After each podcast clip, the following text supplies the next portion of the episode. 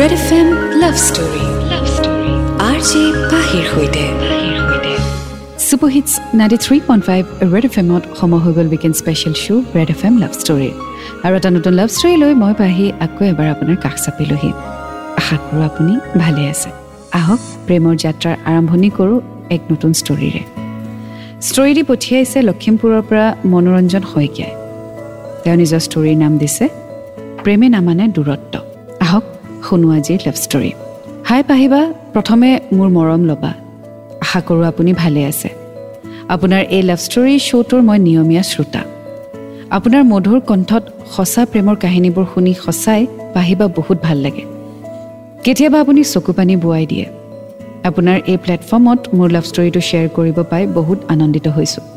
মোৰ ঘৰ লখিমপুৰত। বৰ্তমান মই পণ্ডিত দীনদয়াল আদৰ্শ মহাবিদ্যালয়ৰ ছাত্ৰ। মোৰ গাৰ্লফ্ৰেণ্ডজনীৰ ঘৰ শদিয়াত। তাইৰ নাম ৰিংকু। তাই বৰ্তমান বি এ ফাৰ্ষ্ট ছেমিষ্টাৰত। চ' আজি শুনি গৈ থাকিম মনোৰঞ্জন শইকীয়াৰ ষ্টৰী প্ৰেমে নামানে দূৰত্ব।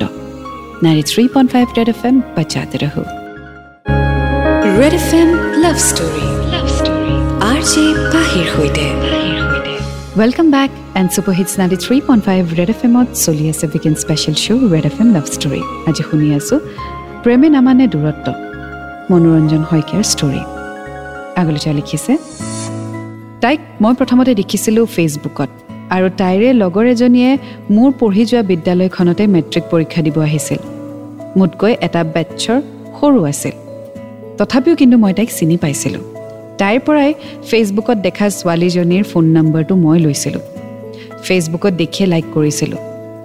তাই অলপ ক্ষীণ অলপ বগা বিৰাট মৰম লগা। তাইলৈ মই কল কৰিলোঁ। কথা পাতি চিনাকি হ'লোঁ। এদিন এনেকৈ কথা পাতি পাতি থাকোঁতেই মই তাইক প্ৰপ'জো কৰিলোঁ।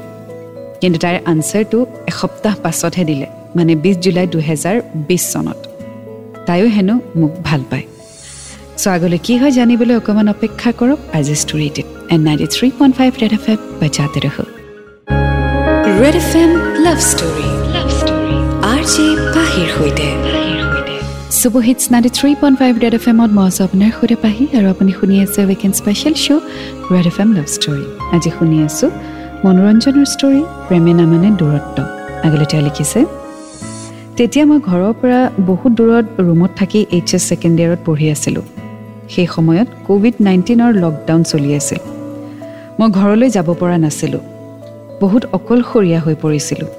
তথাপিও তাইৰ লগত কথা পাতি মোৰ মনটো ভাল লাগিছিল। তেনেকৈ সদায় আমি কথা পাতোঁ।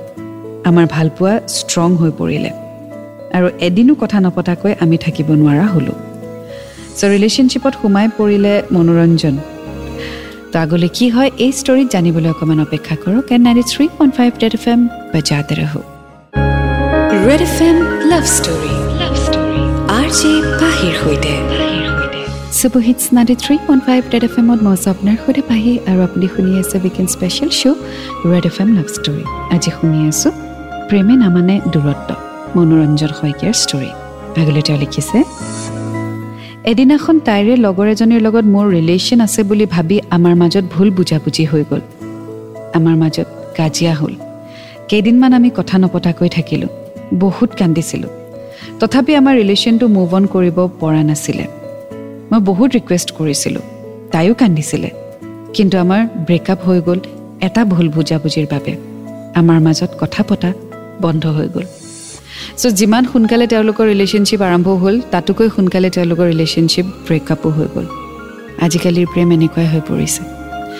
আগলৈ কি হয় জানিবলৈ অকণমান অপেক্ষা কৰক। And ninety three point five red F M বাজাতে ৰহো। Red F M love story love story R J পাহিৰ সৈতে। Super hits ninety three point five red F M and welcome back show' চলি আছে weekend special red F M love story শুনি আছোঁ আজি মনোৰঞ্জন শইকীয়াৰ লাভ ষ্টৰী প্ৰেমে নামানে দূৰত্ব ইতিমধ্যে গম পালোঁ যে তেওঁলোকৰ ব্ৰেকআপো হ'ল আগলৈ চিঠিখনত লিখিছে যাৰ লগত কথা পতা অভ্যাস হৈ যায় তাৰ লগত কথা নপতাকৈ অলপো ভাল নালাগে সময়ে পাৰ নহয় হয়নে পাহিবা কেতিয়াবা তাইক কণ্টেক্ট কৰোঁ বুলি কলো কৰোঁ কিন্তু ফোনটো ছুইচ অফ পাওঁ উপায় নাপাই লগৰ এজনীক সুধিলোঁ তাইৰ মোবাইলটো কি হৈছে? গম পালোঁ বেয়া হ'ল। তেনেকৈ মই লাহে লাহে সকলো পাহৰি দিনবোৰ পাৰ কৰি গ'লোঁ এডজাষ্ট কৰিবলৈ ধৰিলোঁ। চ' যেতিয়া ব্ৰেকআপ হয় আৰু সেই মানুহজনৰ লগত কথা পতাৰ এটা অভ্যাস হৈ যায় তেতিয়া ডেফিনেটলি আনকনচিয়াছলি বা আনকণ্ট্ৰলেবলি আপোনাৰ ফোন কৰা অট'মেটিকেলি হৈ যায় বা মেছেজ কৰা হৈ যায় বা আপুনি তেওঁৰ লগত আকৌ কথা পাতিব বিচাৰে।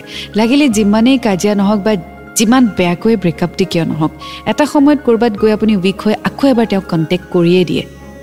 কিন্তু যেতিয়া সেইফালৰ পৰা একেবাৰে ৰেচপঞ্চ পোৱা নাযায় তেতিয়া লাহে লাহে আপুনি ছিটুৱেশ্যনটোত এডজাষ্ট কৰিবলৈ বাধ্য হৈ যায়। ঠিক তেনেদৰে যেনেদৰে মানুহক হেৰুৱাই এজন মানুহ বা এটা পৰিয়াল চলিবলৈ বাধ্য হৈ যায়।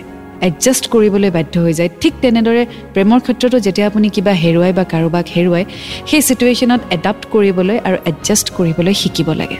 কাৰণ সময় কেতিয়াও ৰৈ নাথাকে। চ' আগলৈ কি হয় জানিবলৈ অকণমান অপেক্ষা কৰক। And ninety three point five red F M ৰাখো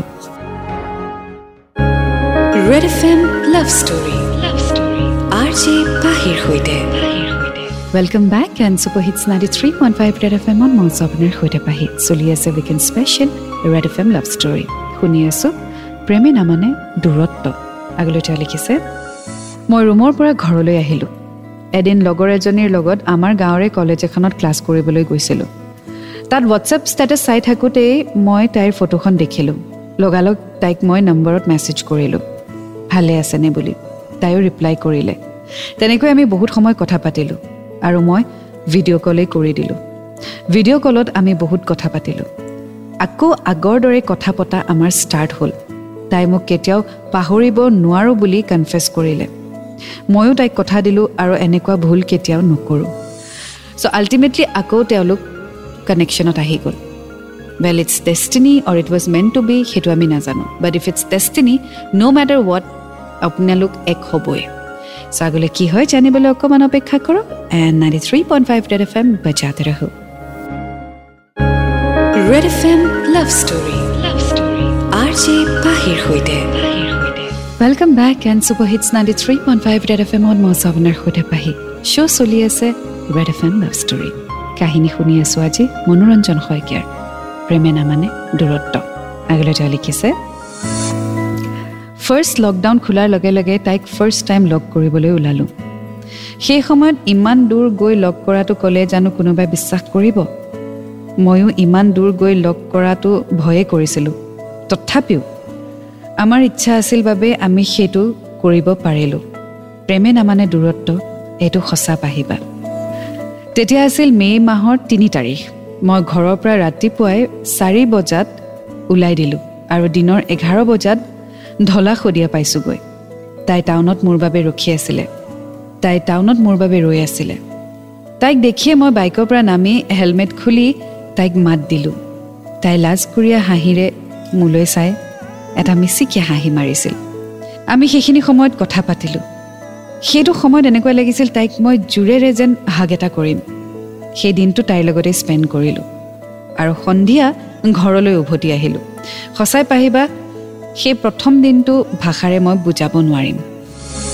ৱেল তেওঁলোকৰ ৰিলেশ্যনশ্বিপ স্মুথলি চলি আছে বুলিয়ে ক'ব লাগিব। লকডাউনৰ মাজতো উইথ ডিষ্টেঞ্চ তেওঁলোকে নিজৰ ৰিলেশ্যন স্মুথলি আৰু ষ্ট্ৰংলি চলাই লৈ গৈ আছে। আমি শেষ পৰ্যায়ৰ পাইছোঁ চিঠিখনৰ পঢ়ি গৈ থাকিম। Ninety three point five red F M বজাতে ৰাখো red F M love story love story R J পাহিৰ সৈতে। Welcome back and super hits ninety three point five red F এমত মজা আপোনাৰ সৈতে পাহি আপুনি শুনি আছে weekend special show' red F M love story আজি শুনি আছোঁ মনোৰঞ্জন শইকীয়াৰ ষ্টৰী প্ৰেমে নামানে দূৰত্ব। আগলৈ তেওঁ লিখিছে লকডাউনত আমি ফাৰ্ষ্ট এনিভাৰ্চাৰীও চেলিব্ৰেট কৰিলোঁ ভিডিঅ' কলত কেক কাটিলোঁ। বহুত দুখ লাগিছিল তাই অভিমানো বহুত কৰে কিন্তু উপায় নাছিল পাহিবা। লকডাউনৰ মাজতে আমি আমাৰ ফাৰ্ষ্ট এনিভাৰ্চাৰী চেলিব্ৰেট কৰিলোঁ। তাইৰ সৰু সৰু খংবোৰ বৰ মৰম লাগে। আমাৰ মাজত কেতিয়াবা কাজিয়া হৈ আকৌ অলপ সময়ৰ পিছতে ঠিকো হৈ যায়। দুয়োটাই অকণো ইজনে সিজনক এৰি থাকিব নোৱাৰোঁ। আজিকালি পাহিবা অলপতে চকু পানী ওলায়। সেয়ে বেছিকৈ মনত পৰিলে লগ কৰিবলৈ গুচি যাওঁ। আমাৰ সপোন মা দেউতাৰ সপোন পূৰণ হোৱালৈ এনেকৈ থাকিব লাগিব। তাইক মই নিজতকৈও বেছি ভাল পাওঁ। তাইক লৈ বহুত সপোন দেখিছোঁ। ভগৱানে আমাক এদিন মিলন কৰে যেন। I can't live without you I love you forever আপোনালৈ পাহিবা বহুত বহুত ধন্যবাদ। আপোনাৰ জৰিয়তে আমাৰ ভালপোৱাটো প্ৰকাশ কৰিব পাৰিছোঁ। আপোনাক ভগৱানে সদায় কুশলে ৰাখক। বাই পাহিবা। চ' এয়া আছিলে আজি মনোৰঞ্জন শইকীয়াৰ ষ্টৰী প্ৰেমে নামানে দূৰত্ব। মনোৰঞ্জন তোমালৈ আৰু ৰিংকুলৈ বহুত বহুত শুভেচ্ছা থাকিলে। অল দ্য বেষ্ট প্ৰথমতে কেৰিয়াৰটো ছেটেল কৰি লোৱা। ভালকৈ ছেটেল হোৱা আৰু তাৰপিছত নিজৰ ফিউচাৰটো গঢ়িবা। মানে দুয়োজনে একেলগে গঢ়িবা। আৰু তাৰ বাবে শুভেচ্ছা থাকিলে। চ' এয়া আছিলে আজিৰ ষ্টৰী প্ৰেমে নামানে দূৰত্ব। এটা নতুন ষ্টৰীৰ সৈতে আকৌ লগ পাম। আৰু ভিডিঅ'টিৰ শেষতে আপুনি এড্ৰেছটি পাব মানে ঠিকনাটি পাব গতিকে আপুনি চিঠিসমূহ লিখিবলৈ নাপাহৰিব। আৰু যিসকলে বৰ্তমান ৰেড এফ এমত শুনি আছে আপোনালোকে ইউটিউবত গৈ ৰেড এফ এম এছমিছ ইউটিউব চেনেল তাত গৈ আপুনি এই ষ্টৰিটি পাবই আৰু ভিডিঅ'টিৰ শেষত এড্ৰেছটি পাব চ' তেতিয়া আপুনি নোট ডাউন কৰি আপুনি চিঠিসমূহ লিখি পঠিয়াই দিব। আৰু কণ্ডিশ্যনছসমূহ জানে ওঠৰ বছৰতকৈ বেছি হ'ব লাগিব।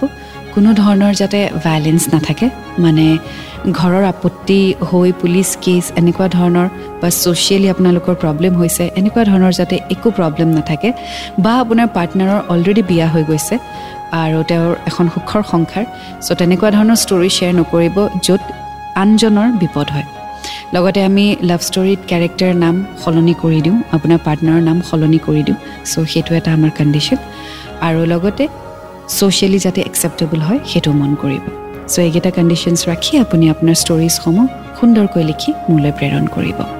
আকৌ লগ পাম। Until then to fall in love it's a great feeling you will get to learn a lot and always remember I love you ninety three point five Red F M বজাতে ৰহো